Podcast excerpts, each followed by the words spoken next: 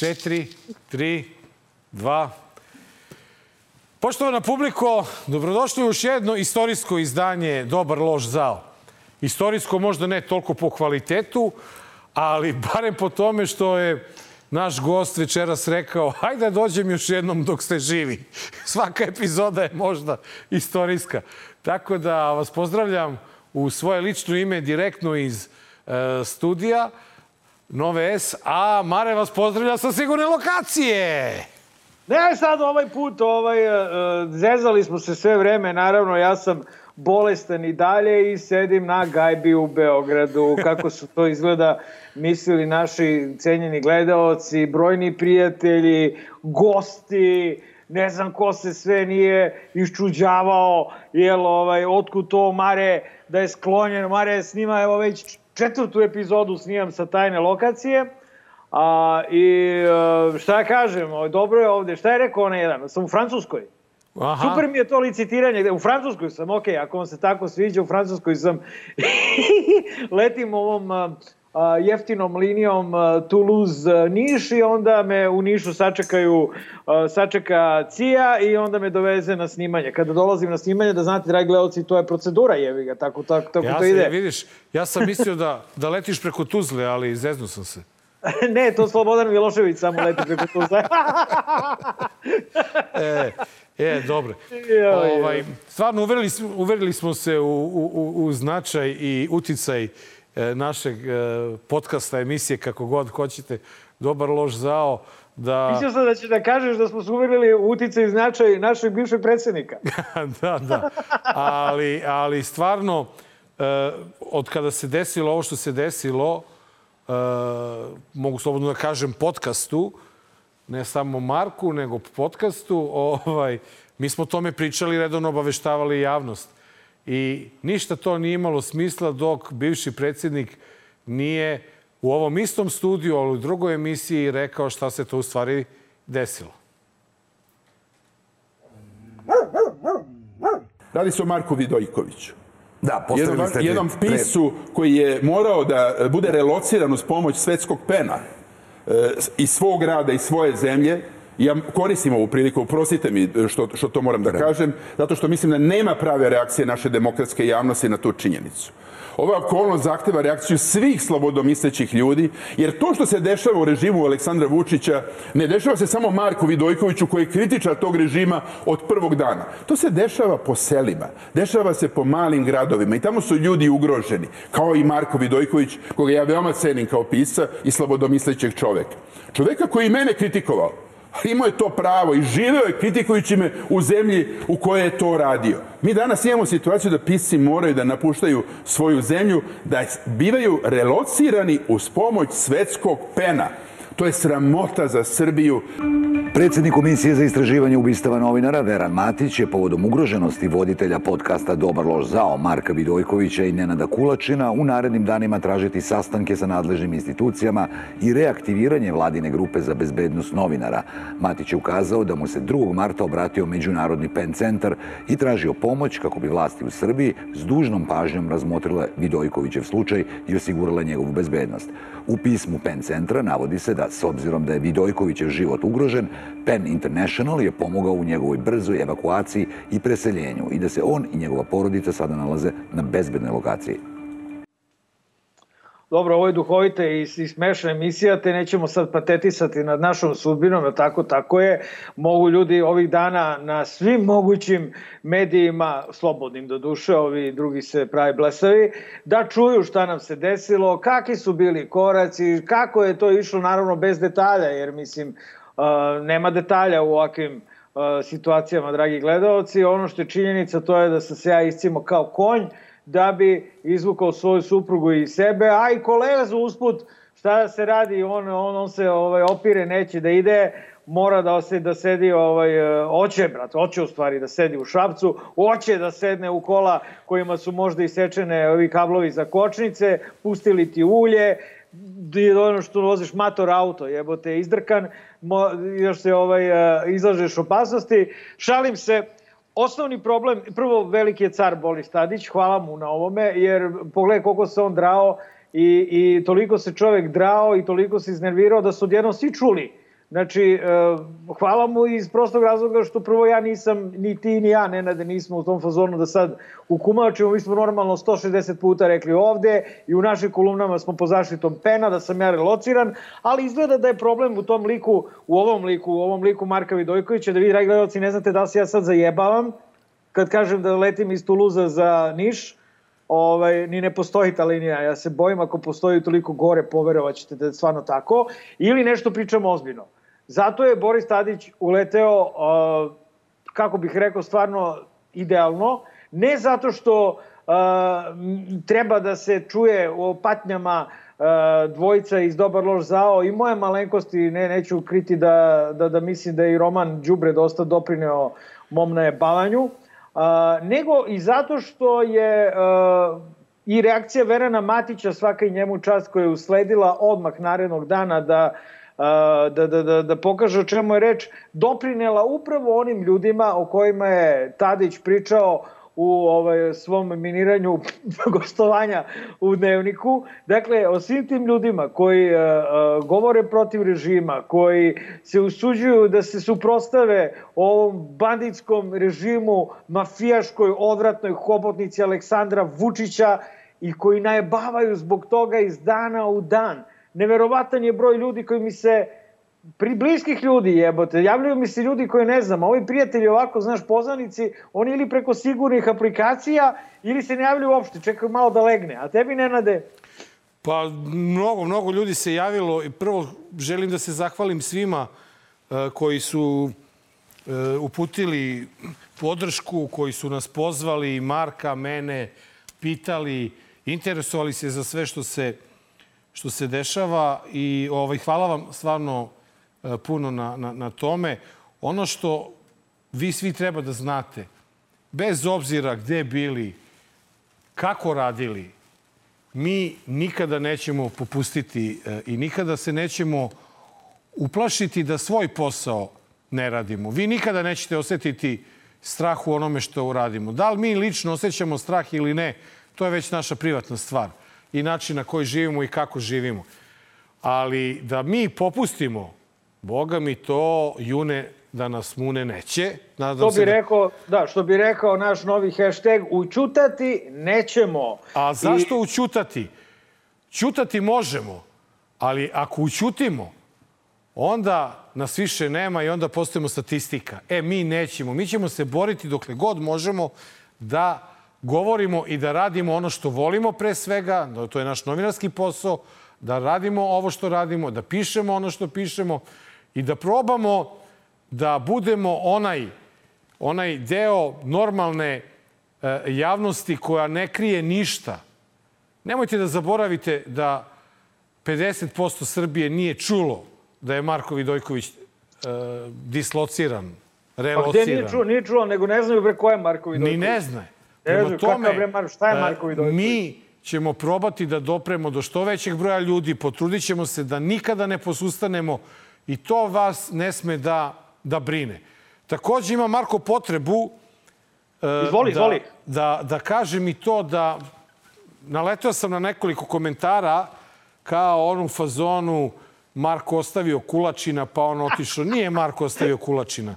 Moglo je da se desi da Kulačin ostavi Marka, da sam dobio onu stipendiju američku koju je trebalo da dobijem. Čuti bre, ne pričaj Pa ne, ne, ništa ne kažem, nego samo kažem, jer bi morao, to, takva prilika se ne propušta u životu. Ali, Mare, samo da potvrdimo i to, da smo obojca u istom sosu, da sam i ja mogao da, da budem relociran i da iz nekih svojih privatnih razloga je to nemoguće u ovom trenutku. To ne znači izvini, da je da neko hrabri, sad... da je neko... Ne, ne, pusti ti idiote, ti znaš... Ne, jednostavno hoću da osetim potrebu, jer dobro, uh, Marko i ja možemo i da se posvađamo nekad i da kažemo jedan drugom. Ali vi ne možete da shvatite koliko smo nas dvojica uh, povezani, koliko dišemo kao jedan. Tako da to ne možete, šta god pokušavali vi, svi koji to želite, ne možete da poremetite i to funkcioniše I da će Bog da funkcioniše, rekli smo, sve dok ovom čoveku ne budemo videli i leđe i njegovo i loše politici. Tako je, učutati nećemo uh, i ako hoće da nas podrži imate, dragi gledalci, dragi prijatelji, novi hashtag, dakle, odustali smo od zajedno u propast. Zajedno u propast je bio, uh, ako niste skapirali, sad možda kapirate zašto nam je hashtag bio zajedno u propast. To oslikava upravo uh, ono kako smo se Nenad i ja osjećali uh, protekle jeseni, kada su ponovo intenzivirani napadi na slobodne novinare i na nas, a, kada su Nenad ulepljene, lepljena kuća adresa na, na, na stepeništa po Beogradu, a, kada su mene razapinjali i tako da sada ono znate... Da ne pričamo ono što već pričamo, treba, jasno. Znate vi da volimo mi o sebi da pričamo i da se bavimo sobom, Naravno. ali ono što ovom prilikom stvarno uh, želim još jednom da se zahvalim uh, Borisu Tadiću, uh, koje ti si napisao, Nenade, kad si kačio na Twitter, ispravno da je on jedini naš gost koji u tom trenutku uh, primetio da se nešto dešava. Ja mogu da kažem iz komunikacije sa njim da je predsednik popizdeo, mislim ne ovaj, nego predsednik Tadić, da je popizdeo zbog onoga što nešto nas se dešava, nego zbog toga što sam ja mesec dana u, u re, relociran. Nemojte se smejete debili toj reči. To je tako, u srpskom ne postoji reč za relociran jer to je u srpskom jeziku nepoznato. Ali relocation, tako se zvanično zove ono što se meni dešava. Znači nisam prognan, nisam proteran, ja sam relociran. Neko je me uvatio, mene i supruga, ovo smo mi, i op, relocirao nas iz ove buđavštine ovaj, srpske na jedno normalnije i sigurnije mesto. Eto, tako da hvala Tadiću zaista na ovome, zato što Nenade, usudit ću se da kažem a, da se na ovom primjeru vidi ono što sam pričao kada je Aleksandar Vulin postao šef BIA i kada je opasnost po mom mišljenju, a i po tvom Nenade Slodiću se po nas postala izuzetno velika, a to je da smo mi idealne žrtve. Koliko smo mi idealne žrtve, to se vidi i po tome koliko uh, ljudi nam je živima i, i pružilo podršku sad u ovoj situaciji. Hvala im svima, a ne da Bože da se nekom od nas nešto desilo, ovo je upravo ogledalo toga. A, mislim da je ova relokacija i to što smo podigli a, problem a, dobar loš zao na jedan vidljiv nivo pomogla nama, ali nije pomogla drugima. Dakle, imajte u vidu, svi kolege, gledaoci, da su određeni, da, da, da ovo nije rezultat nekog hira, nekih privatnih veza. Određeni stručnjaci su zaključili da smo i Nenad i ja životno ugroženi i naše porodice. Da ja moram i mogu da budem relociran, da Nenad nažalost ne može da bude relociran. Znači, neko je ocenio da mi jesmo idealne žrtve ovog režima. Prema tome, nemojte, budite oprezni, nemojte da se nađete u toj situaciji, nemojte da mislite da je uh, Srbija mesto za zezanje i da je ovaj režim mesto, da je ovaj režim uh, uh, treba uzimati, kako bih rekao, olako. Oni su opasni i to ljudi sa strane jako dobro vide. Strašno je što, što mi to ne vidimo iznutra, što mi mislimo da su neke stvari normalne, što mi mislimo da određeni nivo autocenzure koji ni ne provaljujemo kod sebe normalan, što mi mislimo da je normalno sedeti gajbi i čekati da prođu pretnje koje nikad ne prolaze. Dakle, sada možete preko mene, evo, jebi ga, šta da radim, ja sam prvi, uvek da se požalite svi novinari, svako ko ima neki problem, sve ćemo da drukamo penu, da se ne zna, da, da se znači zna šta se u ovoj je, šta se u toj jebenoj tamo zemlji dešava. Eto, ja sam završio sa svojim ratingom. E, i ja ću samo da kažem, znači svako ko želi da, da nas podrži, samo neka na društvenim mrežama nemoj, nemoj pare da tražiš. Okači, nemoj pare da ušutati da nećemo i to će biti najveća podrška ko, ko, koju neko može da nam pruži, naravno uz to da, da prati dobar loš zao i ono što Marko i ja radimo. Ali sada se vraćamo, ljudi, pravom DLZ-u. Pa ljudi, pa, pa prijatelji, pa braći i sestre, pa, pa naš predsednik je napunio 53 godine, trpao u kofu i naravno da je tako nešto moralo da bude obeleženo, da bude proslavljeno. A sad se obraćam svom sinu. Slušaj bre, sine moj, Pa i ja sam napunio ove godine 53 godine. Kamo baklje, brate? Kamo ušća se zakupi da se proslavi tati rođendan? Ovako, ništa. E, knjiga jedna, par čarapa i Goodbye Charlie. E... Ukao knjigu i poklonio ocu, nije vajda. A? ukro knjigu, kaže mi pokloni ocu. Pa poklonio knjigu, šta da radim? E, ništa. a ovaj baklje, bre, ej. I Ne, ne, ove tvoj- baklje su me podsjetile na jedan film, e, čiji ćete naslov vidjeti u naslovu e, ovog priloga. Uživajte. Ne dam grumen zemlje plodne, ni u gaju šljive rodne, niti bora, niti jelu, ne dam bagrem u svom selu, ne dam grmlje, ani cveće, ne dam šiblje, ni drveće, ne dam rosu, ne dam travu, ne dam drinu, ne dam savu, ne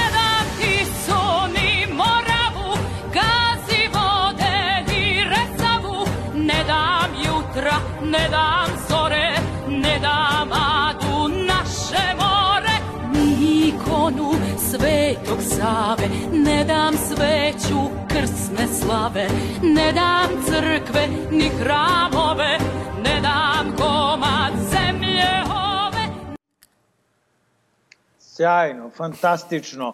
A, mislim da je original uspešniji od a, ove, ovog remake-a filma Triumf volje. Ne znam kako se na nemačkom kaže, pokušao sam sad na brzinu dok je ova kreštala da nađem, ovaj, ali nisam uspeo. Uh, impozantan film u kome isto neki mladi momci uh, nose baklje, samo tad su to bile one primitivne baklje iz 39. ja mislim. Mora se upali pa se nosi tako, a ovde se vitla na vijačkim bakljama moderno i ovaj, ne znamo da li su oni u 39. Uh, nešto ispisivali ili su samo marširali pored slavljenika. Sad je pre bilo do marširanja nego do slanja poruke. Pa ja ne znam ni da li ova gospoda koje su palila baklje i umeju da marširaju uopšte ili su prosto vojnog iskustva kao ja, na primjer. Mare, A, Mare, reci. ali znaš šta, napredovao je malo. Prošli put kad je bio rođendan, pucali su u zatvorenom prostoru, su pucali prangijama, slaveći rođendan, a sad su napravili performans. Moraš da, moraš da nagradiš taj, taj aj, aj barem ga primeti taj napredak u kulturnom izražaju. Primećujem. Čuo sam da su ovog puta pucali u vazduh, dakle nisu pucali u plafone, jer bilo je i pucnjave. Koliko sam čuo, bilo je i, E, i pucnjave. E, boga mi pročitao sam negde, dakle, ovaj, e, da je bilo jel, i prangijanja u vazduh vajda i, ovaj, e, i, i ova bakljada i lepo, mislim lepo, nije, nije, nije, nije jedan poseban zakon prekršen, a i da jeste, šta bi tu bilo Šta, novo? pa rođendan je... Dete voli... Pa rođendan je, bre.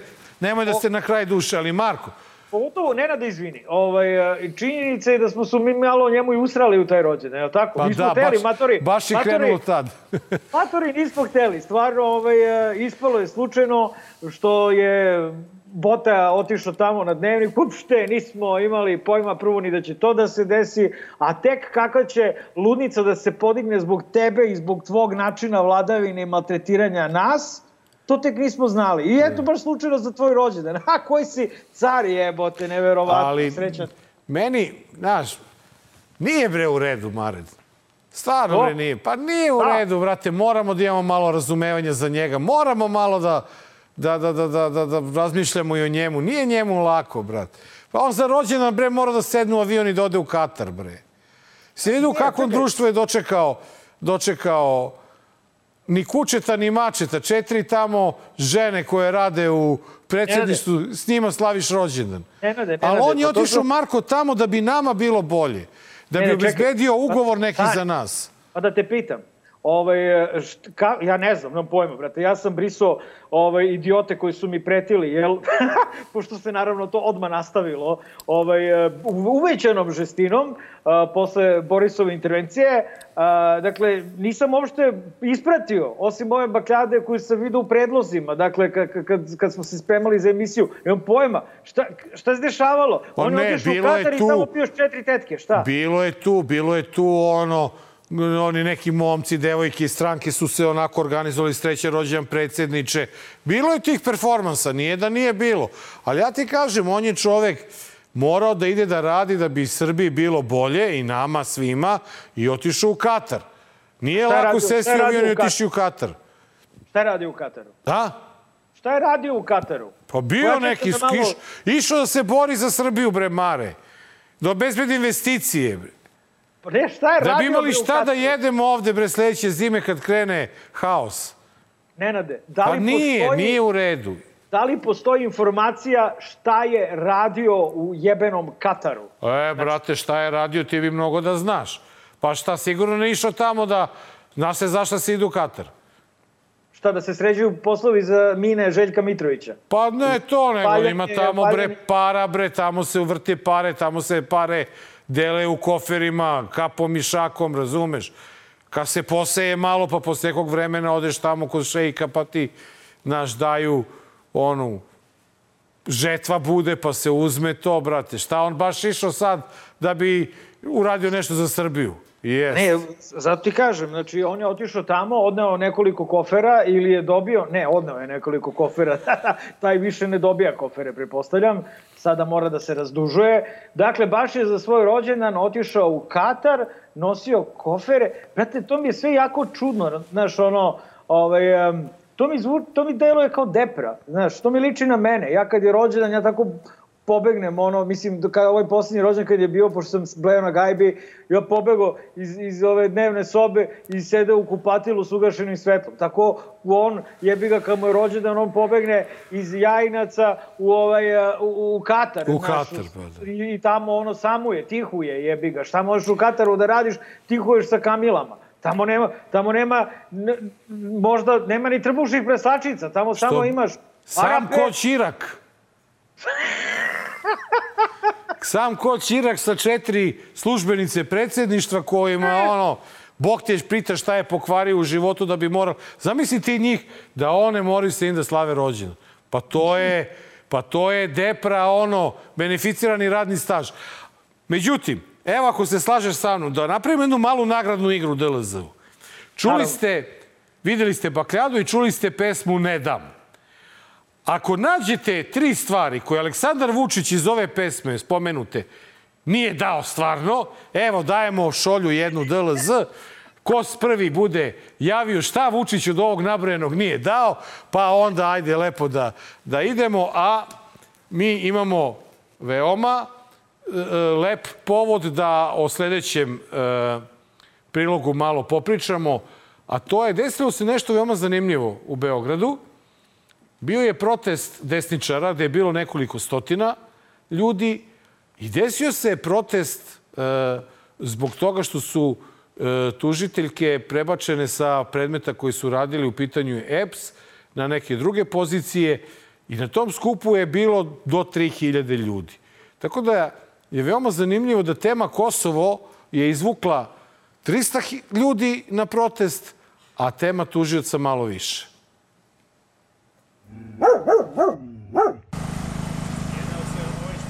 Slava im.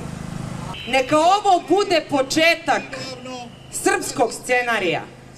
Rumuni su isto izašli zbog tužiteljke. Neka se ovde izađe zbog novog scenarija koji će, se, koji će kopirati svi ugnjetani širom planete. Prošetali su učesnici protesta i do Republičkog tužilaštva kako bi probudili tužiteljku Zagorku Dolovac. i ona sedi u ovoj zgradi iza nas i ćuti. E, Ona ovde sedi 13 godina. 13 godina sedi ovde i ćuti. Sve vreme u hibernaciji nikako da se ne probudi. E pa došli smo danas da te probudimo i da ti poručimo Zagorka, sram te bilo. Uh, lepo, ovaj, dobar, dobar prvi korak. Prvo što je bilo više ljudi na ovom skupu nego na uh, pravoslavnoj mobilizaciji, koliko sam shvatio da se zvalo to uh, kod hrama Svetog Save. A ne, ne, ne, ne, Mare, Mare.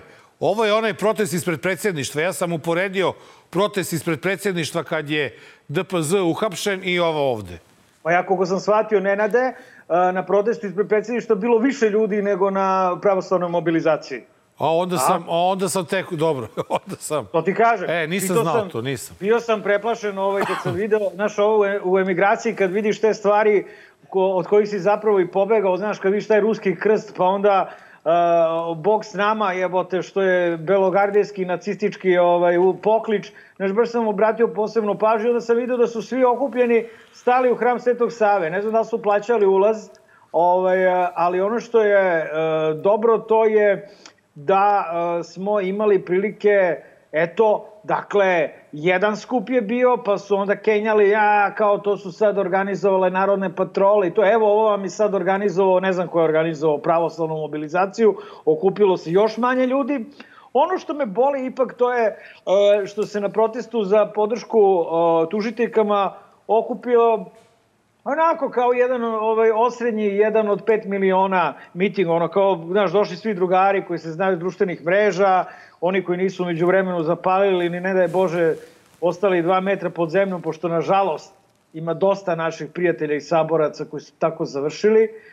U poslednje dve godine, odnosno od kada se završio protest jedan od 5 miliona, a, I bojim se da je ono što je uh, u, u, u prošloj epizodi Milan Sveta Protić pričao da je ipak uh, tužitelj ka Ja, ja ne znam, Komaneči, evo, nije Komaneči, to je ovaj... E, Laura Kovesi.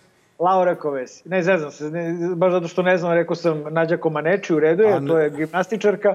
Ovaj, ipak je Rumunija bila član Evropske unije. Dakle, kada je Laura Kovesi dobila uh, tu podršku ogromnu, ipak je lakše kada si deo jednog normalnog, kako bih rekao, sistema država, uh, koji je zaista popuno naopako i pogrešno mistifikovan, naročito kad gledaš odatle ka tamo, ka vama, jebote, razlika je jeziva, ne u korist Srbije. Tako da ja se bojim da vidiš kako se ovo završilo. Nije 2000 ljudi dovoljno. Šta ti misliš? Ti bio tamo? Ispričaj ja kako sam, je bilo. Ne, bio sam, bio sam na protestu. Ne, ja sam to samo uporedio. Naravno da nije. Meni od tog broja ljudi je mnogo više smetalo što tamo nije bilo tih tužioca, zbog kojih je organizovan Gde ovaj su ovi što su podržali tužiteljke bili? Pa da, mislim, ja sam očekivao da će tamo biti mnogo više tužioca koji su podržali svoje kolege nego advokata, na primjer. Ali ne, bio je to ovaj, što ti kažeš, što je bio onako jedan fin, jedno fino društvo koje verovatno se uželelo malo protesta, ko je nostalgičan za onim protestima, jedan od 5 miliona, ali činjenica da je ta tema privukla deset puta više ljudi nego što je došlo da, da, da brani Kosovo. Ali ja sam, Mare, poprilično siguran da se ništa neće desiti po, po ovom pitanju, da neće ovaj e, biti smenjen taj tužilac Stefanović, da neće koleginice biti vraćene na, na svoje položaje i ono što čega se najviše plaši to je da se ništa neće bitnije promeniti u našem pravosudnom sistemu. Pa neće, pa Nenade, jebote, to je ono što smo pričali prošli put. Pa naravno. Ne mogu dve tužiteljke da, da znaš kao jebote imaš ono iskopanu raku koja je ono ogromna, u kojoj mogu da stanu sve tužiteljke, tužioci, sudije, u toj su koje se nalaze. I ta raka se zove srpsko pravosuđe. I sad će kao dve tužiteljke iz te rake da, ovaj, znaš, ti brate, tamo je glavni sanitarac. To je logično. Kad je raka, onda je sigurno nešto prljavo. To je ko blato. Ja, ja sam I, negde pročitao, Mare, da je taj sanitarac 12 godina studirao pravni fakultet. Ko ja jebote, ko ja? Hoću ja da budem sledeći, evo sad sam disident. Znaš, ono, prosto mi je nemoguće da čovek koji 12 godina studira pravni fakultet, ne, ne, ne. bude, bude postavljen na tako. Mislim, ugrađujem se, stvarno ne znam dalje to je istina jer sam pročitao negde. A u Ziro je, imao je umeđu vremenu radio neke stvari, jebote, bio je sanitarni inspektor, završio je višu medicinsku, koliko ja znam. Ovaj, dok je upisao pravni 97. Znaš ono, verovatno po tom principu, piši pravni, brate, s time Ali možeš čekaj, Mare, kako u zemlji u kojoj je predsednik države samoproglašeni najbolji uh, najbolji student pravnog fakulteta u istoriji, kako dozvoljava da takvi mediokriteti se nađu na takvim mestima? Šta misliš? Vidi, Nenade, francuska čokoladica. Ma idi bre u peršu, ti ješ čokoladu ovde, a, a vidjet ćeš ti. Ja znam ko će nama da pomogne da nam bude bolje. I tebi će da bude bolje. Ali prvo ko, ko? moramo da vratimo Kosovo ko, uz ko? pomoć... Pa Moleban!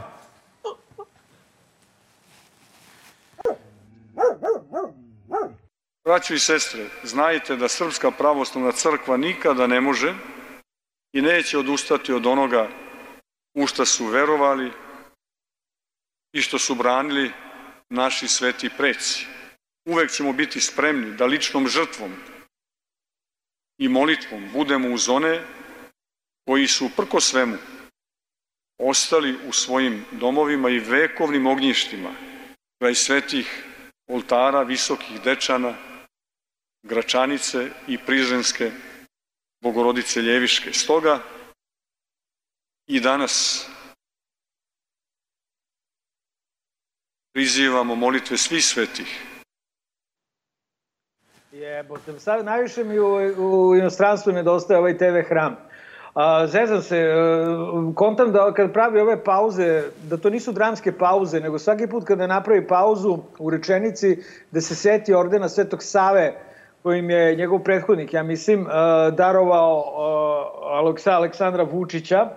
I iskreno da budem, meni se isključio mozak.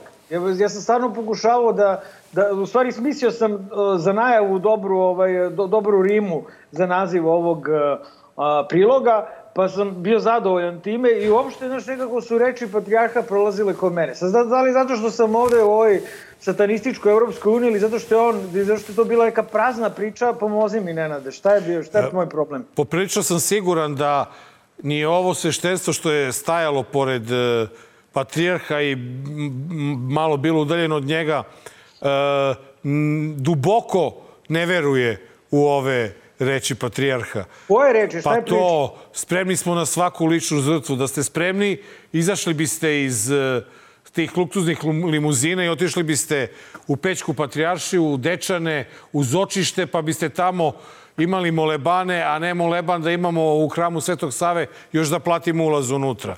Mislim, kakvi su, kakvi su molebani, takva će da bude i odbrana Kosova, plašim se. Nešo, nešo, a kakav je, je li ovo bilo ovaj, kad je bila pravoslavna mobilizacija? Da, ili da, to je od petka, to je od petka. A, svakog petka, svakog petka u hramovima Srpske pravoslavne crkve služe se molebani za spas Kosova. A šta pa znači ti, spas Kurti, vidi šta ćeš. Eno, Kurti, znači? Kurti čupa kosu. Kurti je nekad imao dugu kosu. Mi smo ga zvali Himi Hendrix, kao što sam rekao, tršavu dugu. Kurti jedan koliko išupao kose zbog tog tih molebana, da jada ne zna šta će. Evo, evo nezvanične informacije kažu da Kurti pokušava da nađe nekog međunarodnog postradnika koji bi nas ubedio da vratimo Kosovo pod pravni sistem Srbije, ali nešto Zapad nije za to, pa ne znamo kako će da bude. Kaki bre molebani bre. Znaš šta je najgore? Da. Pa na, to, taj, e, taj skup je održan koliko dana posle, posle predsjednikovog pobedonosnog povratka iz Brisela? Ne, Nenade, on je održan, on je održan dovoljno dana posle pa ne, njegovog pa povratka. Pa gdje ta crkva odmah da izašla prvi dan i da kaže, alo bre, Alo bre, preka, čekaj bre rođeče. Da čekaj nosioče sveto ordena Svetog Save. Nenade, pa šta si, šta, sa čime si se ti to saglasio? Pa saglasio se jebote da, da, da Srpska pravoslavna crkva ima eksteritorijalno... Ne, ovaj, ne, ne, ne, ne, ne, ne, u sporazumu ne piše to. U sporazumu piše da će biti reči o statusu Srpske pravoslavne crkve, kako je već definisan. Nigde u tom sporazumu ne piše eksteritorijalnost. Tako da, e, mislim da će Srpskoj pravoslavnoj crkvi veliki, veliki problem biti ovo što se dešava u vezi sa tim sporazumom i da ovaj, me ne bi iznenadilo u jednom trenutku da SPC i uzme nazad taj orden koji je dodelila pre nekoliko godina. Jeste, malo sutra. Znaš. Ovaj, e, ne vidim ja kad ne vidim ja prostora, znaš, ovaj, Ma da... naravno, zavitlavam se, jer mislim, ove će da ih ubedi, prevešći ih žedne preko vode, jer kaže, a, nećete da me podržite. E, pa nema više para za hram, nema više para za ovo, nema više Cele para za ovo. ne rade, imamo jednog vladiku i to ono bez preterivanja. Ne računam neke monahe, oni nemaju, ali od svih vladika, eto, imamo jednog samo, mislim naravno imamo na Grigorija. Više, imamo više, ali nisu tako uh, medijski atraktivni nisu, i nema nisu, ih. Nisu, ovaj, nisu kako zove, influenceri. Da, Pošto da, ja ima, gledam, ja i ima dalje ih, redovno ima ih. Gledam, gledam Ruku, ruku na srce ima ih, ne možemo da kažemo da ih nema, E, dobro. ali daleko manje, daleko manje nego Kada ovih. te vladike, kada takvih vladika bude više, onda će i siguran sam i crkva da bude bliža svom stadu. Ajde reklamiraj novine, E, pa da, braćo i sestre, zajedno ćemo mnogo lakše spasiti Kosovo ako budemo na kioscima svakoga dana kupovali novine nove i novine danas u kojima možete svakog dana da čitate Marka, a mene svakog utorka. To bi bilo to. Idemo na kratak džingl i vraćamo se u studiju gde nas čeka gost. Dobar, loš, zao.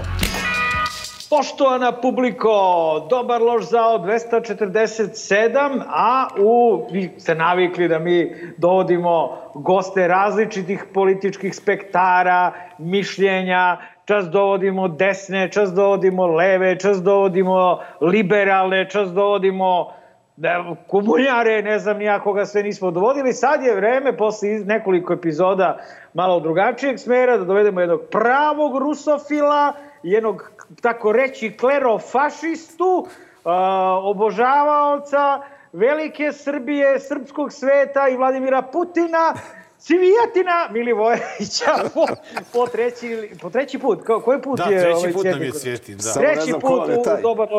I četvrti čak možda. Ne, ne, možda kaže, ne zna, ne zna ko vam je taj, kaže. Cjetine, Cjetine, izvini za ovakvu najavu. Ovo Ne, je odlična najava, zaista- nego ne znam o kome se radi. O tebi, druže. A o meni, a? Nisi taj. Dobro. E, znaš, ono kada smo, kad, smo, kad smo razgovarali o tome ko nam je gost, pa onda ljudi sa strane kažu, o, kao, pa ali on je, de, on je otišao desno, čoveč, on je, on je sada desno. E, Cvjetine, ja, jesi Odmah da otišao- kažem gde sam, hoće da ti pomognem. Da, A da. to mi reci, Ja meni sam da od možda uvek si bio u centru. Sad si u centru. Uvek sam i sad sam u centru. Dakle, ajde, ne, ne bih da se poredim sa Zoranom Đinđića, ali sam dugo pratio tu stranku kao novinar od vremena kada je on postao predsjednik od 94. do, do 2000. kad je to bila normalna stranka, jel? Dakle, ta stranka je bila stranka centra koja je pragmatično klatno nekad pomerala malo levo, malo desno, ali ona nikad nije otišla ni u desnici, ni u levici. Sad slušam jedan od vaših gostiju, je gospodin Tadić, mada ovo što je uradio svaka mu čast, ali on je jedan od onih koji, pa recimo Šutanovac, bio sam pre neki dan u emisiji, koji mene ubeđuju da je to stranka levice. Ono jeste tačno, ako se sećate kad su potpisali onaj sporazum o ljubavi i večnom prijateljstvu i ujedinjenju u bolu, Dačić i, i ovaj, Tadić, pa se oni tada svađali ko će ući u socijalističku internacionalu. Da. Pa su u jednu fotelju sele obojica, znate. Ali to što su oni hteli da se učlane u socijalističku internacionalu, to nema veze sa profilom glasača demokratske stranke. Jer demokratska stranka, kada je bila stranka, kad se nazvala strankom Levice, nije mogla da pređe cenzus. Kada je bila stranka centra, bila je u vreme Zorana Đinđića, ona je bila ozbiljna politička stranka, prva ili druga stranka opozicije u tom trenutku, pa je u jednom trenutku došla i na vlast. I to je ta razlika. A ovo malo pre što se čitao, pretpostavljam da se čitao iz obrazloženja nekog Čedomira, jel? neću da mu reklamiram. Da, pa dobro, bio je Čedomir Če- gost naš. Ali nije, nije Jovanović, odmah se Ne, ogradim, ne, nije Če- Če- Čedomir. Čedomir, Ne, ne, da mu ne reklamiram ova Bio nam- advokatsku da, kancelariju. dobro, nećemo, bio nam ja, je gost ja znam o kome reč, sticajem okolnosti, to je neki bio aktivista demohrišćanske stranke koja je, kao što znate, uvek stranka desnice. Uh, pokojnog Vladana Batića. Uh, ali to što sam pročitao je jedna predivna stvar. Odmah da, da, da malo razočaram pre svega Marka. Ja sam u, na tim prostorima za koje me vežu bio jednom u životu. Pošto sam malo stariji od vas, bio sam pre tačno 34 godine. U to vreme je to bio Sovjetski savez. Pa ako neko hoće me nazove agentom uticaja, može eventualno doveze u vezu sa, tada je, mislim, Gorbačov bio već na vlasti, tako je, sa sovjetskim špijunom ili KGB-om ili nešto tako. A, ja i rusofilstvo, a, da, da, samo Ša- trenutak. Čekaj, samo trenutak, samo trenutak. Pa šalio sam se. A neka, Nije šao ne, to, ono nije, objašnjava čovjek ja sam izdošao u emisiju da objasnim. Evo vidim i ovaj, vaši, vaši neki od ovih... eh, Pitanje vidiš posle, da. Nije, nije gospodin Đurić, nego neki drugi su pitali to isto. Isto, dobro. Tako da mogu reći. A drugo, eh, možda je malo i bez veze ako sam, ako sam to što jesam, ja bih hteo da budem u prvi deset. Ne da budem 58. ne. 58 ste, da. A drugo, malo se i tu zbunili ovi koji su brojali, ja, recimo ona emisija znamenita na Happy u aktuelnosti, jeli, do sada je bilo stotine tih obožavalaca Rusije i Putina, mene nikad nisu ni pozvali, a kamo da pa, sam pa, otišao. bi otišao kad bi te pozvali? Pa naravno da ne bih otišao. Ali mene ne zovu. Ali ne zovu. Usput bude E. rečeno u odnosu na te čedomire i raznorazne, jel, koji su danas rado viđeni gosti e, režimskih medija, ne samo vašeg medija, nego režimskih Režimskih, medija, tako je. Mene na režimske medije ne zovu od 2013. godine, ni na jedan, čak ni na javni medijski servis. Iz vrlo jednostavnog razloga, a to mislim nije nikako desničarenje, što sam primetio da u prvom brislavskom sporazumu koji je ispade sad potpisao Dačić, tako reče pre neki dan Vučić, koji se ograđuje od toga, Ni na jednom jedinom mestu u 16 tačaka se ne pominje reč Srbija. E sad, ako je to desničarenje, primetiti nešto tako i istrajavati na tome 10 godina što ja radim i uredno brojim to, kao što ste primetili, onda pristajem i da sam putinofil, ne samo rusofil. Kretine, Kretine, izvini. Znači, ovaj, prvo da ti se izvini, dakle, jer vidim da čak i ti nisi siguran kad se zezamo, kad se ne zezamo, ovo je bila čista šala, ti si naš, znamo vrlo dobro kakav si i zato ću ja sada da Ja ovo i spinujem prihvatam ovo. kao šalu. E, dobro, odlično. Ovo, ali ne bi, znaš, ono kao Ne, gledamo on je bre sat i- daleko, on je bre, Bog te pita u nekom kanu, Monaku, tamo. Francuskoj. I naš, izmešalo mu se ta tamo i Ali slušaj, i svi su, naši, i... svi su naši veliki preci i, i knjaz Miloš, Beč, Rumunija, Da. i Karađorđe, Moldavija, Rusija, pa da ne govorim o ovim bližim, no tako bili jedno vreme proveli u emigraciji. Ako nisi bio u zatvoru u emigraciji... Ko da nisi Ko postojao, da nisi postojao, tako da Vole ti... emigracija, Potuli zaista. se Ovaj, u zatvor. Htio bih, pomenuo To ću si ja, malo to pre... ću ja, sam ja ostao ovde. da, i lepo u zatvor, pa normalno. Da, ja. da. Bolje i zatvor nego i sečene kočnice. A, kad smo već kod sečenih kočnica i kad smo već kod Zorana Đinđića, ja ću sad malo da spinujem.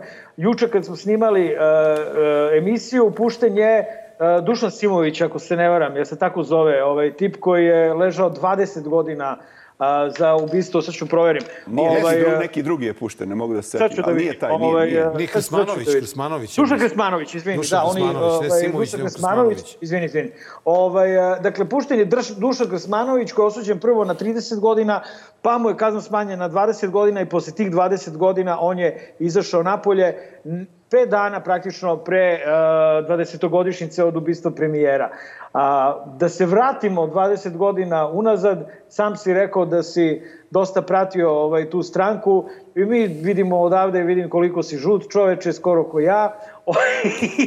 Ajde, molim te da, da, da, da prokomentarišeš uh, ovo puštanje. Mislim, znaš, kad je neko osuđen na kaznu zatvora, on kad ta prosto kazna, kad odleži kaznu, on izađe, ali je stvarno odvratno, utoliko je odvratnije jer je neko izašao, a neko drugi je dva metra pod zemljom. Pa znate što, da, ovaj, takav je naš, nažalost, takav sistem sankcija u našem pravosuđu. Vi znate da smo ih hteli da ličimo na Evropu, pa smo ukinuli najstrože kazne, jel tako? Ja sam tu pristalica, eto, iako sam rusofil, pristalica sam američkog sistema kaž- kažnjavanja za najteža dela. Naravno, pošto se prethodno deset godina proveri da slučajno nije nevin, jel tako? Ali u ovom slučaju ja zaista ne znam. E, Mislim da taj čovjek koji pušten nije u toj hijerarhiji bio tako visoko pozicioniran ako sam ja dobro razumeo taj koji je pušten, Taj, da, da nije on jedan od tih glavnih u toj priči, tako da ako je odležao 20 godina, to je verovatno na toliko i osuđen. Ne znam, zaista ne znam o čemu se tu radi.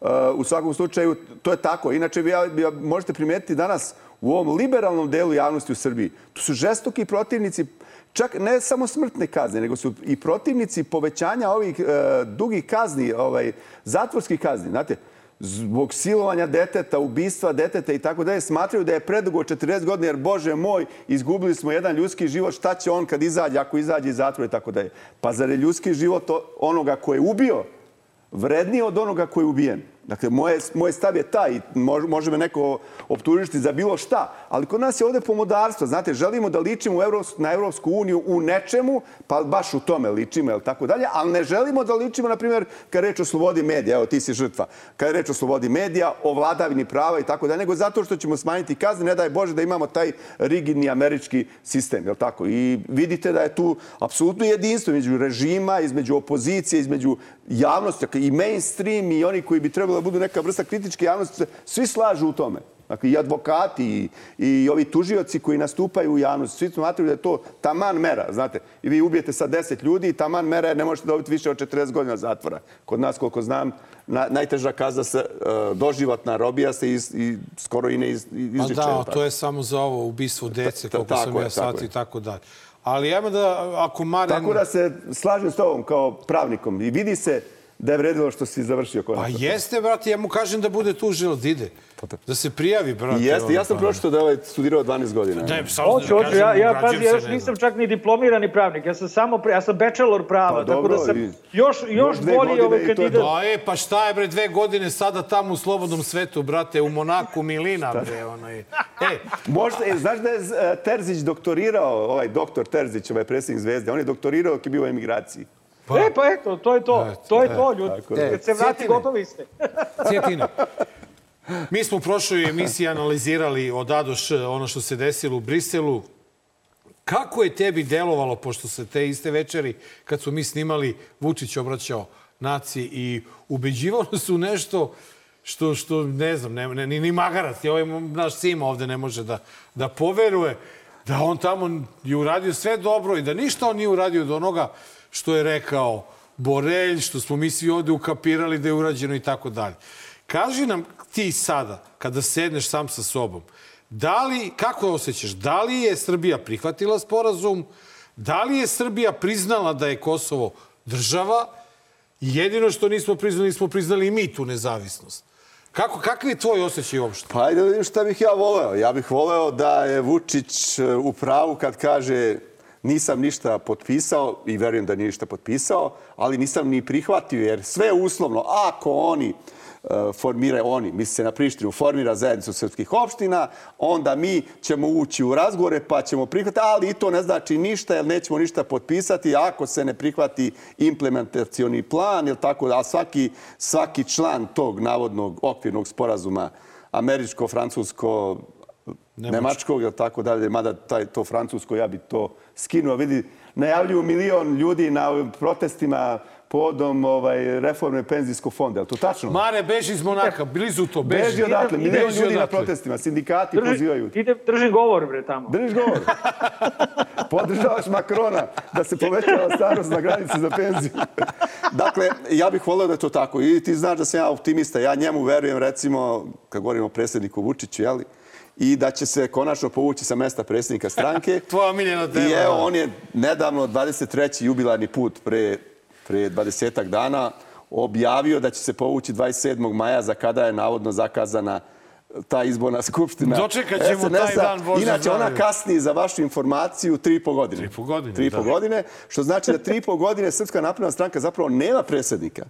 Jer Vučić nikad nije izabran za VD predsjednika. Njemu je mandat istekao posle četiri godine. Te prve četiri godine su. Dakle, on faktički fa- više nije On predsjednik. je stranke. legalno izabran predsjednik. Tako nije je, on- ali mu je istekao mandat, Mandat. a nije izabran za VD predsjednika. Dakle, sa stanovišta Ustava možda on i u pravu, možda on i ne krši Ustav, možda on nije predsjednik Čekaj, stranke, brate, nego smo mi- mi ubeđeni da jeste. A ti misliš da postoji u SNS-u neko dovoljno hrabar da ustavi da pita pitanje, da postavi pitanje... Pa pitam ja, ovaj, pitam ja, ja, mandata ja sam ga pitao, on mene prozvao tamo negde u, na televiziji, onoj, kako zove, prva tema, prva televizija, prvi čovek i tako Da, da, dalje, da. nemam pojma i to je bilo pred novu godinu, rekao da ja I kad, kad ga je novinarka pitala šta kažete Cvjetin Milojević, kaže da ste 22 puta obećali da ćete povući se mesta. Jer suprotno članu 115 Da, ustava, da, vi ste istovremeno i predsjednik stranke. On je rekao Cvjetin Milojević i nije nekakav pravnik, pa je onda sa onom značajnom zadrškom rekao, do duše on i nije, ni, uopšte nije pravnik, pravnik, što je da. tačno i zaista nije slagao, ja nisam pravnik. Tako da je to u pravu. Dakle, ja njemu verujem. A znate zašto mu verujem? Zato što on svaki put kad kaže se povući, on priznaje da krši ustav. I da je svestan toga da krši ustav.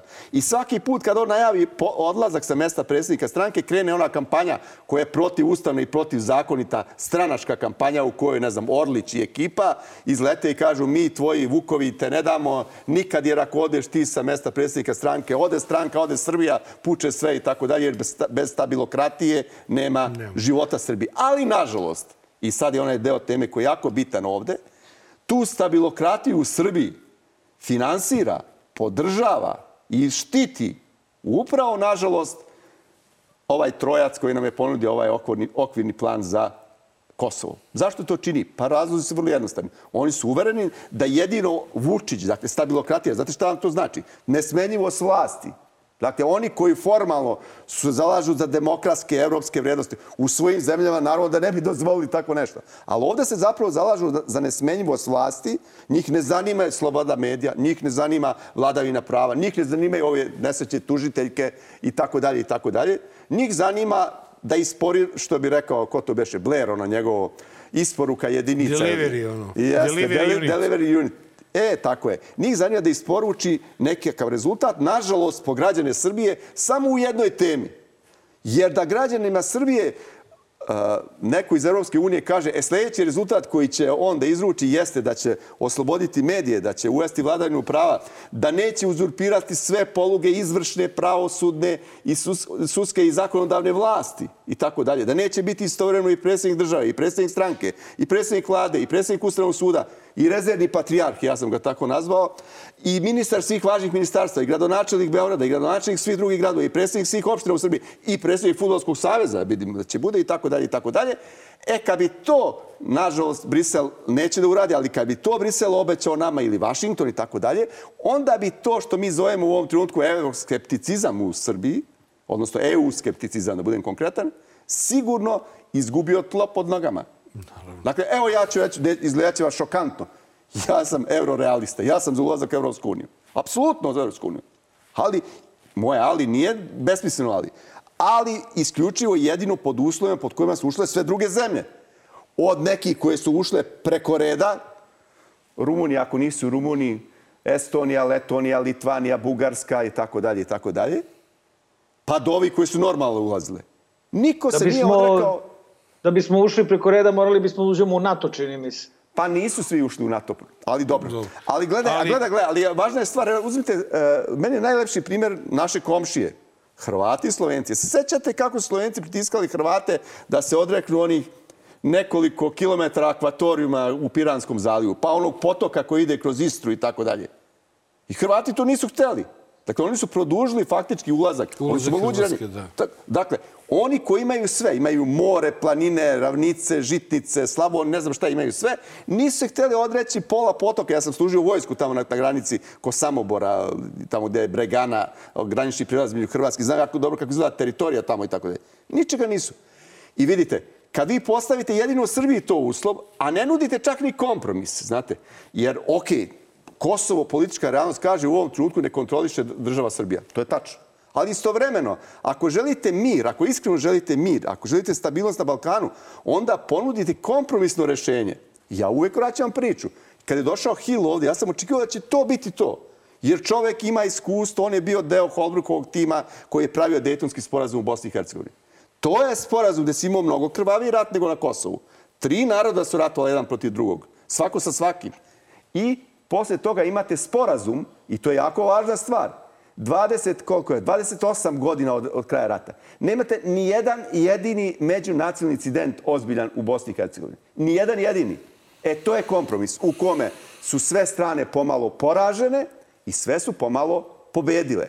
Ovo što sad nudi se pod firmom okvirnog američko francusko-nemačkog plana je, nije nikakav kompromis. To je cementiranje stanja, a stanje, ja vas posjetim, nije bio rat u kome je neka UČK pobedila neku srpsku vojsku, jel znate? Tamo je neka UČK zapravo statirala u ratu koji je NATO vodio protiv Srbije. Dakle, u tom smislu reči, ako je to već tako, ako ste imali agresiju, ja, ja bez pardona kažem, ovo što radi Rusi u Ukrajini je agresija na teritorijalni integritet Rusije. Ali očekujem da deo liberalne javnosti u Srbiji, a pogotovo ovi koji nam dolaze kao tutori i koji nas pripremaju za ulazak u Evropsku uniju, kažu da, ali ovo što smo mi vama uradili 99. je tipična agresija. Još gora, zato, mislim, ne u broju žrtava, ali gora u smislu da je tamo učestvovalo 20 zemalja. 20 zemalja ratovalo protiv Srbije. I, I rezultat tog rata je takozvano nezavisno Kosovo. Ako je to tako, onda je valjda kompromis između nezavisnog Kosova i srpskog e, zahteva i srpsk, e, činjenice Ustavu Srbije, Kosovo deo Srbije, nešto između. To nije nezavisno Kosovo. Znate, kompromis između nezavisnog Kosova i toga da je Kosovo deo Srbije, pa nije nezavisno Kosovo.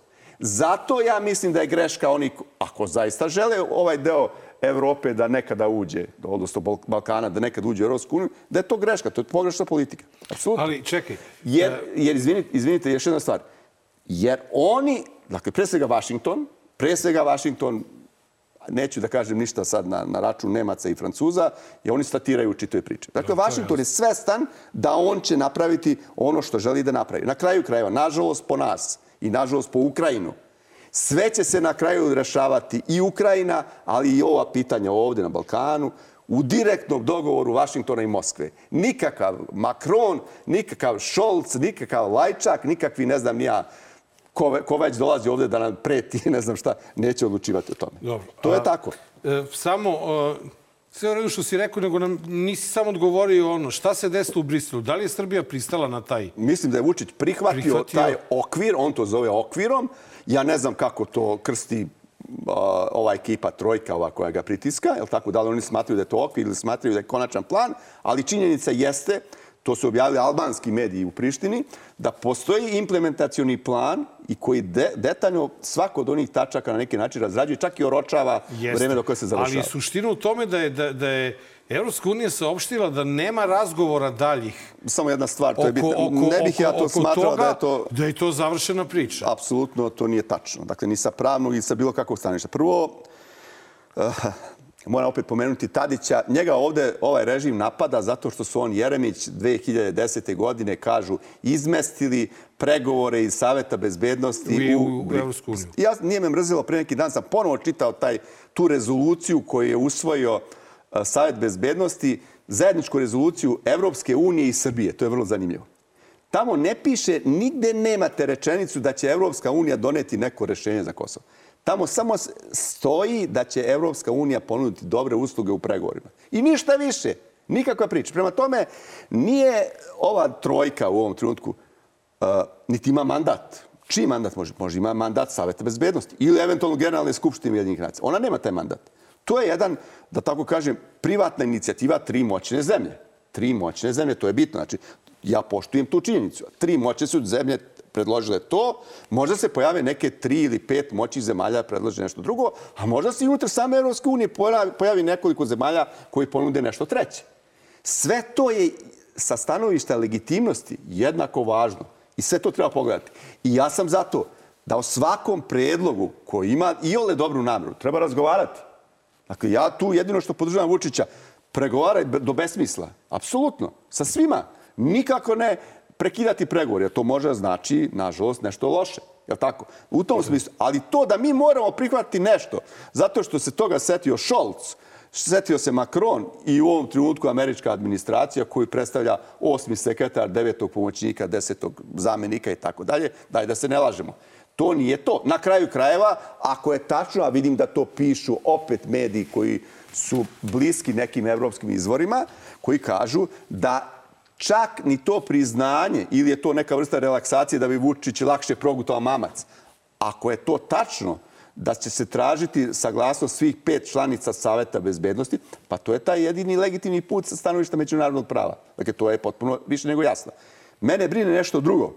Što Vučić u Skupštini nije smeo da kaže na, ništa izričito. On je rekao ovako, nisam zato uh, Neću priznati nezavisnost. Ne, ne, nisam zato da Kosovo uvodi u jedine nacije, da, i neću potpisati nezavisnost. Nezavisnost, da. I jedno i drugo je nesporno. Niti će ko tražiti da treba da potpišeš nezavisnost. Niti ti možeš razloga. da spremiš, sprečiš ulazak u jedine nacije. Tako je, niti, niti će ko pitati da li će ući u jedine nacije, ali ovo prvo je jako bitno.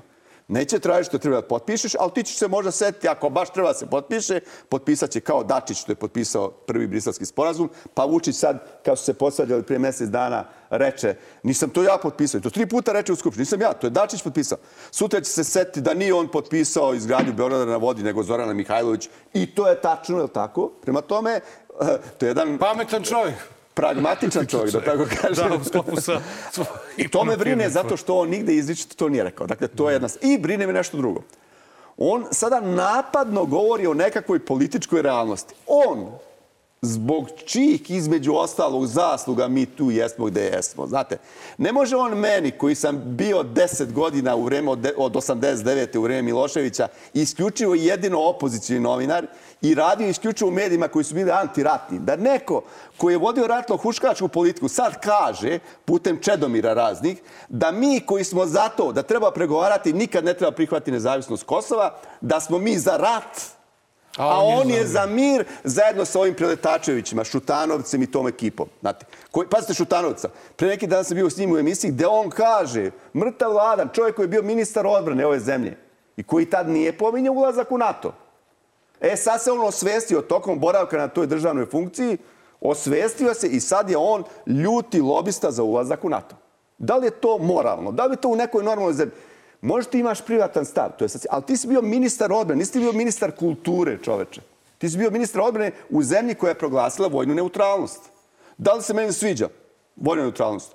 Pa očigledno, nažalost, ona je najbolje rešenje. I to se složili ne samo ova vlast, nego i prethodne vlasti, i Koštuničina, i Tadićeva i tako dalje. I kad pominješ Tadića, moram još jednom da ga pozitivno pomenu. Kad pominjete one ne, zašto, zašto, zaštitu uh, Srpske pravoslavne crkve, da. eksteritori, eksteritorijalnost, pa to je njegov bio predlog, on je njegov plan, četiri tačke i tako dalje. To da, i slažem se, toga nema ovde. Nema. Ima jedna stidljiva naznaka, gde patrijarh Porfirije, i to je jako bitna stvar, nakon što je otišao u Ameriku, Jel tako? A što je prethodno eskivirao da ode da primi orden na dan Republike Srpske po američkom i Vučićevom zahtevu nije otišao tamo, jer je dan ranije bio e, sa Plenkovićem i Dačićem u Zagrebu i tako dalje. Ja razumijem da nije otišao na policijsku paradu u Istočno Sarajevo. To razumijem. Ali ti nisi otišao na skup e, u Banski dvor, tako je, gde su bili čak i predstavnici zapadnih ambasada. Ne svih, ali bilo je pet predstavnika zapadnih ambasada. Ti kao patrijar srpski nisi otišao da primiš orden. I sad si onda otišao i sad si ti navodno uspeo da izlobiraš nešto što se zove pominjanje crkve. Pa da li je uopšte tu mesta za dalju raspravu? Pa nama je, znate na, ko je nama pomogao da, ne, da, da Kosovo ne uđe u UNESCO, između ostalih, osim Rusije i još nekih? Pa Vatikan. Dakle, to je adresa s kojom treba razgovarati. Vatikan smatra pravoslavne hramove naše vizantijske, kojih već ima više, je li tako? Smatra ih delom zajedničke hrišćanske kulture. Ali Cjetine, ovaj, ti pričaš e, kao da je 2000, recimo 10. ili 11. a ne kao da je 2023. Pričaš o adresama s kojima treba razgovarati kao da pregovore i dalje vodi, ne znam, Borko Stefanović je vodio tehničke pregovore, ali kao da ih vode više puta pomenjeni Boris Tadić ili ne daj Bože Koštunica. A pregovore vodi onaj i, i ovu zemlju vodi 11 godina i upropaštava je Aleksandar Vučić. Dakle, stabilokrata koji je pomoću Zapada došao na vlast, to znamo, koga Zapad toleriše sve vreme i koga je Zapad odvuko za uvo u Brisel. Prema tome, e, ja ne vidim samo gde vidiš e, prostora za pod jedan za kompromis, zato što je taj zapad, kao što si rekao, pobedio SR Jugoslaviju ovaj, u ratu 99. osvojio Kosovo za kosovske Albance, dakle, okupirao ga i sad je rešio, verovatno ih ohrabrio 2008. da proglase nezavisnost i sad je rešio da to dovede do kraja. Pomoću svog dovučenog stabilokrate Vučića. Ja ne vidim eh, kako mi možemo teoretski, to što ti pričaš zvuči ok, ali kada pogledamo praksu i kada pogledamo situaciju na terenu, što bi rekli, gde, gde imamo prostor, gde Aleksandar Vučić uopšte ima prostora i da li njemu uopšte treba više davati bilo kakvog prostora u bilo kom smislu? Da vam kažem, prvo, stvari se moraju resetovati i vratiti na 2013. godinu. Dakle, 2013. E, godine su Vučić i Dačić potrčali da potpišu na prvo čitanje nešto što je apsolutno nije imalo veze sa srpskim interesom u tom trenutku. A znate zašto? Jer im je neko slagao da će 28. juna na Vidovdan te godine Srbija da otvori pregovore u ulazku u Evropsku uniju. Ona ih otvorila godinu i po dana kasnije, kao što znate. Dakle, pojurili su, a to urade na vreme. Oni su potpisali zbog toga. Inače, u agendi tih razgovora, kako je bilo zamišljeno, nakon što je Evropska unija dobila faktički mandat da posreduje, ne da donosi rešenja, je bio razgovor ne o statusu, ljudi moji. Da li shvatate to? Dakle, ne o statusu Kosova budućem, definitivno, nego o životu. O tome kako obezbediti bezbednost ljudi i bezbednost njihove imovine, ljudi moji. Da li vi verujete? Ja sam Vučića to pitao jednom preko putem medija, pa mi je odgovorio indirektno da nisu uspeli nikada u agendu pregovora uguraju to. Čekaj, Pa če, treba se povući iz pregovora. Imovina, ljudi moji, Za deset godina, o čemu je on pregovarao, osim, o, ako nije pregovarao o imovini? On je pregovarao o tome da izruči telekomunikacije Prištini, da izruči gazivode, da izruči telefonski broj i tako da je. A šta je sa imovinom države Srbije? Sa starom društvenom imovinom, ja vas posjećam, nije završena bila transformacija društvene imovine. Društvena imovina je zapravo državna imovina. Neko, šta je sa imovinom privatnom na Kosovu? Šta je sa imovinom ne samo Srpske pravoslavne crkve, nego drugih verskih zajednica? To su desetine hiljada hektara zemlje. Dakle, on je razgovarao o svemu osim onome što jedino Zapad razume, a to je imovina.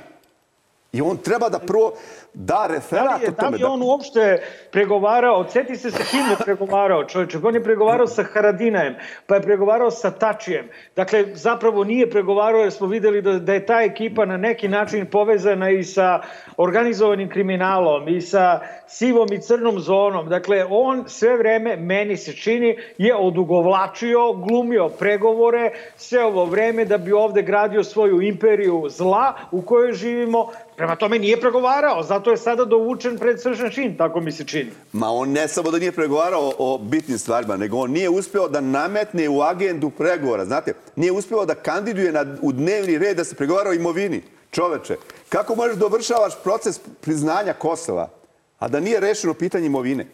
Pa zamislite, molim vas, krenite od svako, od nas.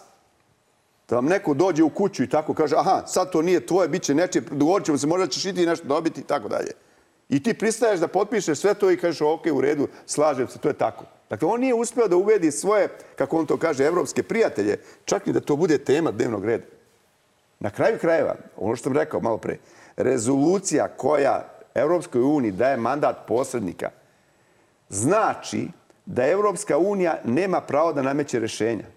Evropska unija može da konstatuje uspeh ili neuspeh u pregovoru. Dve strane hoće da se dogovore u vezi sa nečim ili neće da se dogovore.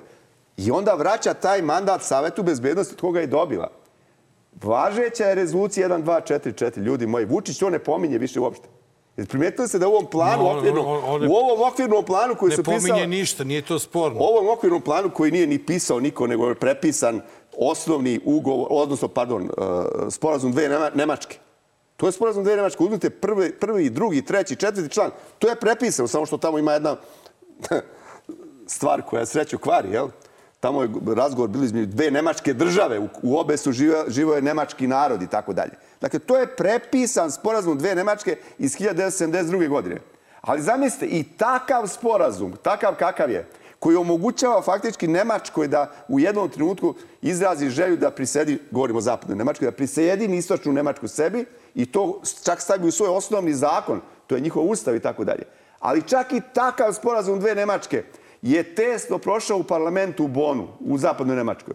Sa negde 30 glasova razlike. 270 i nešto je bilo za, 240 nešto protiv. Zamislite kako jedna dostojanstvena nacija, država, brani odgovornu svoju poziciju. Ne priznajemo Nemačku. I naravno, u tom, u tom ugovoru se ne priznaju, kao i ovom što ne piše međusobno priznanje. Ali sve drugo je tačno. Dakle, i DDR je bio član ne samo Euro, Ujedinjenih nacija, nego svih međunarodnih organizacija. Znate, ja smo igrali futbol, ako sećate, s DDR-om, DDR, sa Dinarom, Dresden ili Kovač. Dinamo iz Dresden smo igrali one godine kad, kad je Borota primio kroz noge gol. Jedan. A ne, to je Partizan. Borota igrao za Borota Partizan. je kad igrao za Partizan, da, da. da. Pa, pa... E, Mare, uh, je se slažeš da, da pitam nešto... Uh, Cjetina u vezi sa uh, situacijom nas novinara u Srbiji.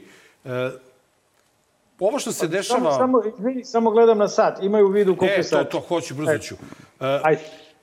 Imajući u vidu ovo što se dešava proteklih dana, gde, gde smo posebno apostrofirani Marko i ja zbog svega ovoga, uh, 2023. godine, mart mesec, počinje ročište na apelaciji ubicama Slavka Ćuruvije, koje se desilo 1992. godine. 20... Ne, 99. 99. Pardon, 99. Mi, evo, i, i Sima se uznemirio čim smo krenuli da pričamo. Mi imamo situaciju da 2020 i 2023. da se ne zbunim ponovo, imamo situaciju da uh, neke strane međunarodne organizacije moraju da sklanjaju novinare iz zemlje zato što su im ugroženi životi. Je toliko, Sad ću vam nešto je toliko reći. nemoguće da mi naučimo neke lekcije. Pa naravno, e, do, dobro je što ste pomenuli tu 99. godinu. Mislim, malo ljudi zna, ja ću sad to reći, redko sam pričao o tome. Negde godinu dana pre ubistva Ćuruvije, to je bio mart 98. godine. Ja sam bio odgovorni urednik lista Demokratija. Vlado Mareš, koga znate, svi je bio predsjednik upravnog odbora Demokratije, jedan od urednika Demokratiji, a Zoran Đinđić, svi znate ko je bio predsjednik Demokratske stranke. Pojavio se na drugoj strani Ekspres politike. To je taj isti list koji je objavio i onu poternicu koja je rezultovala Ćuruvijom ubistvom. Pojavio se tekst u kome smo na čitavoj strani poimenično Vlado Mareš, e, e, Zoran Đinđić i ja nazvani nemačkim špijunima i tako dalje. To je najgora vrsta poternice koju. Mi, to, mi smo pravili od toga šale. Nesvesni onoga šta će nam vrlo brzo doći do nas. Šalili smo se i tako. Čak nismo ni tužili tu ekspres politiku. Ispostavilo se kasnije da, da su to pisali neki ljudi koji više nisu živi. Nije ni važno. Sve to protiv. Mi zaista nismo ozbiljno shvatali koja je to moć takve, takve poternice. Šta iza toga može da se desi? Osim što je u, e, Ćuruvija ubijen u onom... Sećate se da je jedna poternica bila i za Đinđićem. Đinđić se sklonio tokom bom- bombardovanja iz, iz Srbije. Je li tako? Znači, to je to. Dakle, ja sad svakoj takvoj vrsti pretnje, zaista, i to nije sada poštapalica, sad vidim, svi to pominju. Da, da, Svaku, sad sad je to poštapalica. Od tada sa mnogo, mnogo, mnogo ozbiljnosti i nikad se ne šalim tim pristupam i tako da je. Ovo što sam malo pre rekao, samo mogu da ponovim. Dakle, da mi sada činimo plezir trojci koja nam dolazi da nudi da damo 15% teritorije da bismo možda nekada, jeli, ako ostane Europska unija, može biti nekada bili jedan od kandidata za ulazak, a da li ćemo ući bilo ko odavde, ja mislim da nećemo ući. Dakle, da to uradimo, to je zaista jedna vrsta licemerija koju ne mogu gledati. Istovremeno, malo sam čuo, sem ovih koje ste vi kontaktirali zbog slučaja Markovog i tako ni od zapadnih nekih diplomata u Beogradu da su vam stali u zaštitu. Čute nešto. Ili nešto kažu, ili nešto tako da čute. Ne bi da se zameraju ovom na koga računaju da će nešto da im učini, je tako? Da, se odrekne 15% teritorije Republike Srbije, što inače protivustavno i tako dalje. Inače, čovjek nema ni mandat da to potpiše. Ne, ne, to je jasno. Da, moramo vratimo se. Nego ti u samo tom smislu kažem kako je ovaj... a mediji- Toliko godina ništa nismo Ali naučili. pazite, licemer je inače strašna stvar. Mi imamo i ovog slučaja, vi ste pomenuli na početku, eh, Dejana Zlatanovića. Da, da, u svakoj emisiji pomenemo, on tamo da. nije zato što je pokušao da, daj Bože, nekog ubije. On je zato što je rekao, ko pot, kako je rekao, ko... Izvini, pot- on je rekao u kondicionalu isto ko što je nama Šapić rekao je rekao. ko- koga ali je Šapić odbijen. Ko potpiše, njega ubiše. Njega ubiše. I rekao je ko se prepozna, prepozna. Niti je ko ovde bilo šta potpisao, koliko ja znam, nije potpisao. I zašto bi od toga? Dakle, čovjek nije tamo. Ja ne znam zašto je čovjek iz narodnih patrola. To je nešto drugo. Ali ovdje je reč o čovjeku koji ima svoj YouTube kanal i tako dalje, s kojima se vi ne, možete, ne morate slagati politički, ali on je tamo zato što je rekao to u kondicionalu. Upravo to govorim. Dakle, i tu nisam primetio da neko... Čak ni ovaj deo desnice koji bi bio neki... Čak bliz- oni, oni ćute o tome. Čak i oni čute, nisu učinili Da, da. ništa da pomognu čoveku. Da, da, pa to valjda je- treba da se, da, se, da se napravi neki protest, da se... Da... Ne, tek čisto sam hteo da napravimo, pošto je to bila tema proteklih dana, glupo je da te ne pitamo jer si kolega Ne, novinar. ovde, je- ovde je reč o kalkulacijama, vi primećujete. Vi na svom slučaju vidite reč o kalkulaciji. Dakle, od onih koji bi bilo prirodno da vas... Ko je reagovao sad od međunarodnih udruženja novinara? IPN centar je nešto drugo. Reagovali? Jeste, Evropska federacija za Kad je? novinare. O, inače, nama redovno reaguju reporteri bez granica. Tako, sam da su naša udruženja, okej, to je, Naša to je, udruženja, to, to, da, to je u da, redu. To, to smo videli, Da, tako da. da. Ali, Ali ovi koji, koji mogu da izvrše pritisak, oni ne reaguju tu. Oni Evo- reaguju tamo gde njima treba da se odradi neki posao. idemo na pitanje sa Twittera, pošto u posljednje vreme mnogo, ovaj, e, mnogo, mnogo puno vremena iskoristimo u ovom delu za intervju i zaboravimo da nas očekujem Magreći Kutak. Evo, e, Jovana nam je dala pitanje. Advokat e, B. Đurić postavlja pitanje Cetičaninu, Cetičaninu, Cjetinu, opstanak Zovite i Svetičanina. Da, za nacionalne interese Srbije šta je važnije? Opstanak 90.000 Srba na Kosovu uz potpisivanje EU sporazuma ili opstanak Kosova i Metohije u Ustavu, ali bez Srba na Kosovu? Ali kratko, Cvjetine, molim te, Pa da vrlo bismo uspeli konkretno, mislim, Magareći. to je, to je besmisleno pitanje zato što je to Šutanovčevo pitanje. Dakle, nema te dileme. I Nema jedno, dileme. jedno i drugo je važno. I jedno i drugo je važno. Dakle, još jedno moram da kažem. Mi koji smatramo da je Kosovo deo Srbije, nismo za rat daleko bilo. Ja stalno govorim, za Pa čekaj, pregovore do je prvi. Vučić je prvi koji kaže da je Kosovo Srbija. Ne znam, ne znam da li on, govorimo o Zaku- sebi. zakleo se, bre, vidim na- da deo- na Ustavu se i na Evanđelju Vidim, vidim da- deo Twitter javnosti ovde oko nekih uh, pro-NATO krugova zapravo ovde, evo konkretno Nameće o tu meni, temu, o me- da, nameće tu temu da sam ja zato što sam za ostanak Kosova u Srbiji za rat. Valjda je obrnuta stvar. Ili recimo zato što ja kažem, pazite, ima jedna stvar da još ja kažem da Vučić vodi jedino moguću u ovom trenutku politiku. Je reč o uh, ukrajinsko-ruskom sukobu. Dakle, na jednoj strani se kaže da je agresija Rusije na Ukrajinu. Srbija ne priznaje rusko e, prisjedinjenje, referendum o prisjedinjenju istoka Ukrajine. A na drugoj strani e, Srbija se pridružuje neobavezujućim rezolucijama i deklaracijama u Generalnoj skupštini nacija koje osuđuju Rusiju. Ja mislim da je to u trenutku jedino moguće za zemlju koja M je vojno neutralna, M istovremeno ima svoj problem koji se zove Kosovo. Dakle, ona mora bravi, brani poziciju međunarodnog prava. I to tako stoji. I sad ja kad kažem, kad me neko pita zašto si ti protiv uvođenja sankcija Rusiji? Pa upravo zato. Upravo zato, jer u Savetu bezbednosti u ovom trenutku, sem Kine, imate jedinu Rusiju. Jeste, ali Cjetine, Samo- ti ako hoćeš... mora- Ne, ne, ne, ali to moral je hoćeš da nešto ideš... drugo. Ne, Moral je ne, nešto drugo, slažem ljudi moji. Ovdje Ali ako hoćeš da budeš deo Evropske unije, ako državnom hoćeš da budeš deo Evropske unije, ako Pa hoćeš hoće, da ali budeš hoćemo mi, ali član, neće na oni nas. Onda, brate, mora se pridržavaš te politike. Samo molim vas. Politika može bude nakada. Pa šta ako je politika Evropske unije? Ajde da sada bombardimo lepo Srbiju. kažeš, neću E, ja u Evropsku uniju. Neću E, u Evropsku uniju. To je hipotetičko pitanje isto. Ako je politika Evropske unije, ajde bombardimo Srbiju. Šta biste vi rekli? Hoćete u Evropsku uniju? Pa ne, Ne, ali politika Evropske unije Politika Evropske unije je da treba da Samo se da usklade, da se zemlje kandidati usklade sa svoju. Ali politika Evropske Srbije unije. je vojna neutralnost. I samo da završimo, šta sam hteo da kažem.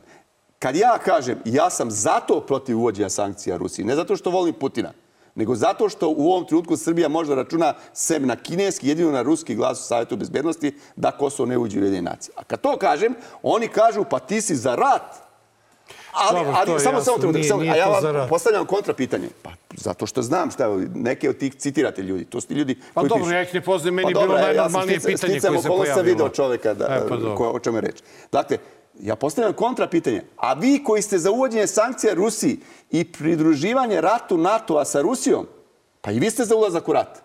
Samo na drugoj strani. Na drugoj strani. Ja nisam ni ulazak ni, za, ni na jednoj strani. Dakle, u tome je razlika između nas. Dobro, uh, idemo odmah na, na, na Magreći kutak. Čeka nas zanimljiv Magreći kutak. Greote da ga ne, ne, ne ostvarim u ovoj epizodi. Jovana, letimo brzinom unje.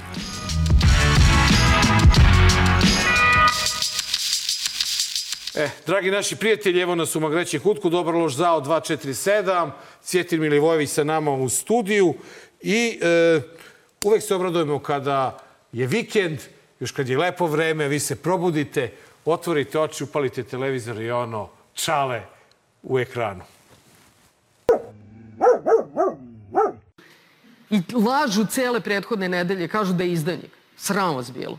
I što kaže Aleksandar Vučić, kad je dosta tim lažima?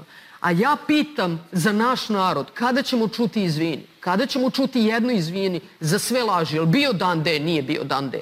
Jel potpisao? Nije potpisao. Recite izvini. Ne, ako nećete da kažete Aleksandru Vučiću, recite našem narodu izvini. Da. Makar su toliko zaslužili Jer to od vas koji jedna vrsta i u- lažete. nametanja panike u, u ljude u Srbiji, šta će da se desi i šta će da bude ishod. I, kada- stvaranje kada neke pričamo- nervoze među ljudima. Ma, na, ma, ma, ali ne stanje nervoze besa, jer oni među sve vreme ljudima. Jovana, da jako mi je važno da razumemo šta su pokušali da urade i šta kontinuirano pokušavaju da urade. Zato što osvešćivanjem toga mi to možemo da sprečemo. A važno je da sprečemo zato što je važno da Srbija u ovom trenutku bude jaka, jedinstvena, stabilna. Slažem se. Da smo uz našeg predsjednika koji se izborio za sve ove stvari. Predsjednik je već pobedio. Mi smo pobedili. Promenili smo ovu zemlju. Mare, da mi nabaviš ovu gljivu tamo kad ideš na one trke konje tamo da mi Ne, staviš. ono, venti, ono je ventilator. Cinculator. Je, uh, da li je, da li je ovaj, d- koliko su ove stranke desnice upravo kad kažu da je Vučić izdao Kosovo? Ja sam, Da sva, ja sam ovdje jedino shvatio da je ovaj Mona očigledno kreator onog ventilatora. a, a šta stranke desnice? Znate, oni, oni stalno ponavljaju i to je zaista pleonazam postao ono. Ponovo će izdati, izdati, izdati. I onda se oni hvataju, ti, tipovi kao što je Ana Brnabić, hvataju se za tu besmislicu, jel tako? Ako je već jednom izdao, ne može izdavati sledeći, Da, sledeći put. Tako. put, da. Dakle, zaleću se i onih, dobro, to je Vučića prednost u odnosu na sve ove ostale, da, da kažem, nove, novopečene političare. Dakle, on E. ih vrti u to. Drugo, on ima najjače oružje. On kontroliše sve bitne medije. Bitne medije, jasno. E, desio se veliki derbi. Zvezda je igrala protiv Partizana na Marakani i da vidimo kako je e, propao pokušaj ujedinjenja navijača.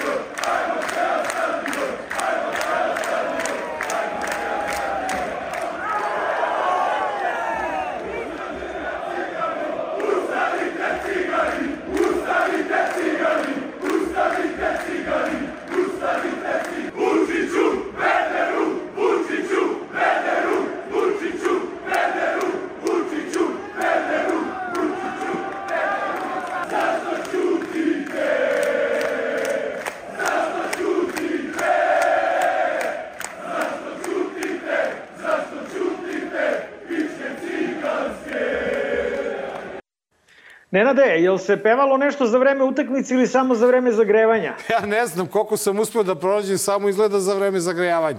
A, to li je, dobro. Da, da, malo. Pa dobro, i oni su našli kompromis. Da. Vidiš da svi žude kompromis. Da vam kažem, ja sam frustriran, pošto sam partizanovac i tako dalje. Ja razumem zašto mi pokušavamo, a zašto ovi neće da nam se Da pridruže. Dakle, ne zaboravite, Terzić, doktor Terzić, već po- pomenuti u jednom intervju, rekao kako je on postao predsjednik Zvezde zapravo. Kako, generalni sekretar posle, da. Zvezde. Da, pa ta, generalni direktor, pardon. Tako što je pozvao ga Vučić, on je rekao komandante naređuj. I tako je došao, pošto je prethodno uništio OFK Beograd i poslao ga u petu ligu. A druga stvar, vi vidite kako se bira sada predsjednik Futbolskog saveza. Nesrećni Džajić, koji je trebao da bude kandidat onda kad je biran Kokeza, a ne sada, biva sada potrošen čovek u tim godinama ko krpa. Mene, mene, mene kao partizanovci iskreno žao Džajića. Ne, da mi sramota. Zaista besmislena stvar. A kaži mi, e, šta misliš, ko će pobediti na tim izborima? Pa Džajić. Džajić pobeđuje. Pa ja mislim da ima 80 od ukupno 85 delegata. A, mi imamo veliku sreću što živimo u, u, u, u vremenu kada je moguće da budemo savremenici nekoga koji je i veći i koji je čak više puta vaskrso od samog Isusa Hrista. U svakom slučaju, to je meni lično jako važan projekat, zato što ja nekako mislim da sam, da sam lični eksperiment i neko ko je doživeo mutacije pre 13 godina. Onda kada sam bio, što je Twitteraši su to u pravu, ja sam stvarno bio mrtav pre 12 godina, ali tada je Tada su me u, u Flensburgu u Nemačkoj spasili na način što sam konjskim antitimocitnim globulinom se povratio na način da sam sagradio sebe iz početka. Ali dok je taj proces trajao, primio sam otprilike, ako se dobro sećam, 50 litara krvi, što znači čovjek ima 5 litara, 10 puta mi je promenjena krv. A šta to znači? Ako prosječan davalac krvi da 300 ili 400 ml, to znači da sam dobio krv otprilike od 120 ili od 130 Nemaca.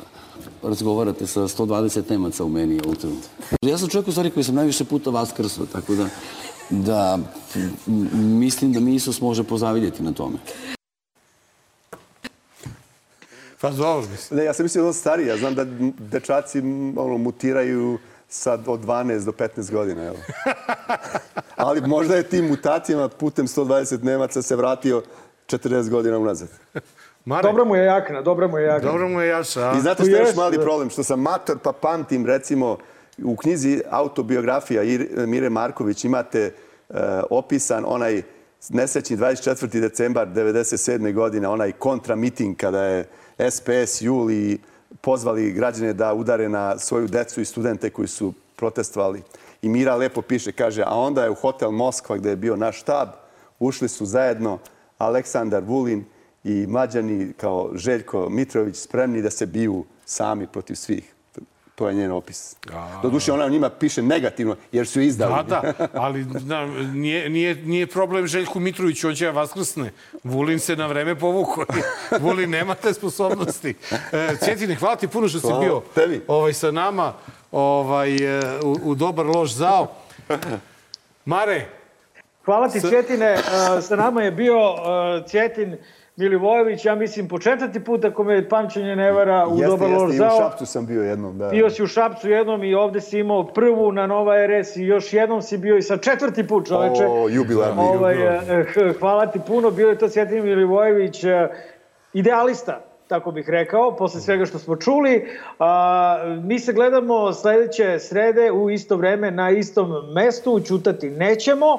A, to je 20 sati istovremeno na YouTube-u i portalu Nova RS, a zato što se Cvjetin nas pričao, morali smo izbacimo četvrti prilog koji je vezan za Pink, a, i na kraju imamo još laku noć koja je opet vezana za Pink. Pa Nenada da. izvoli.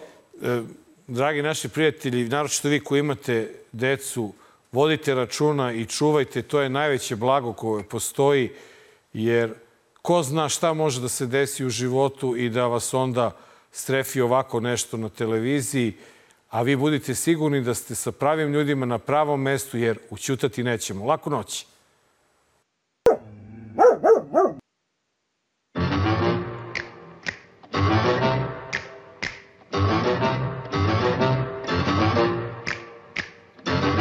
Da.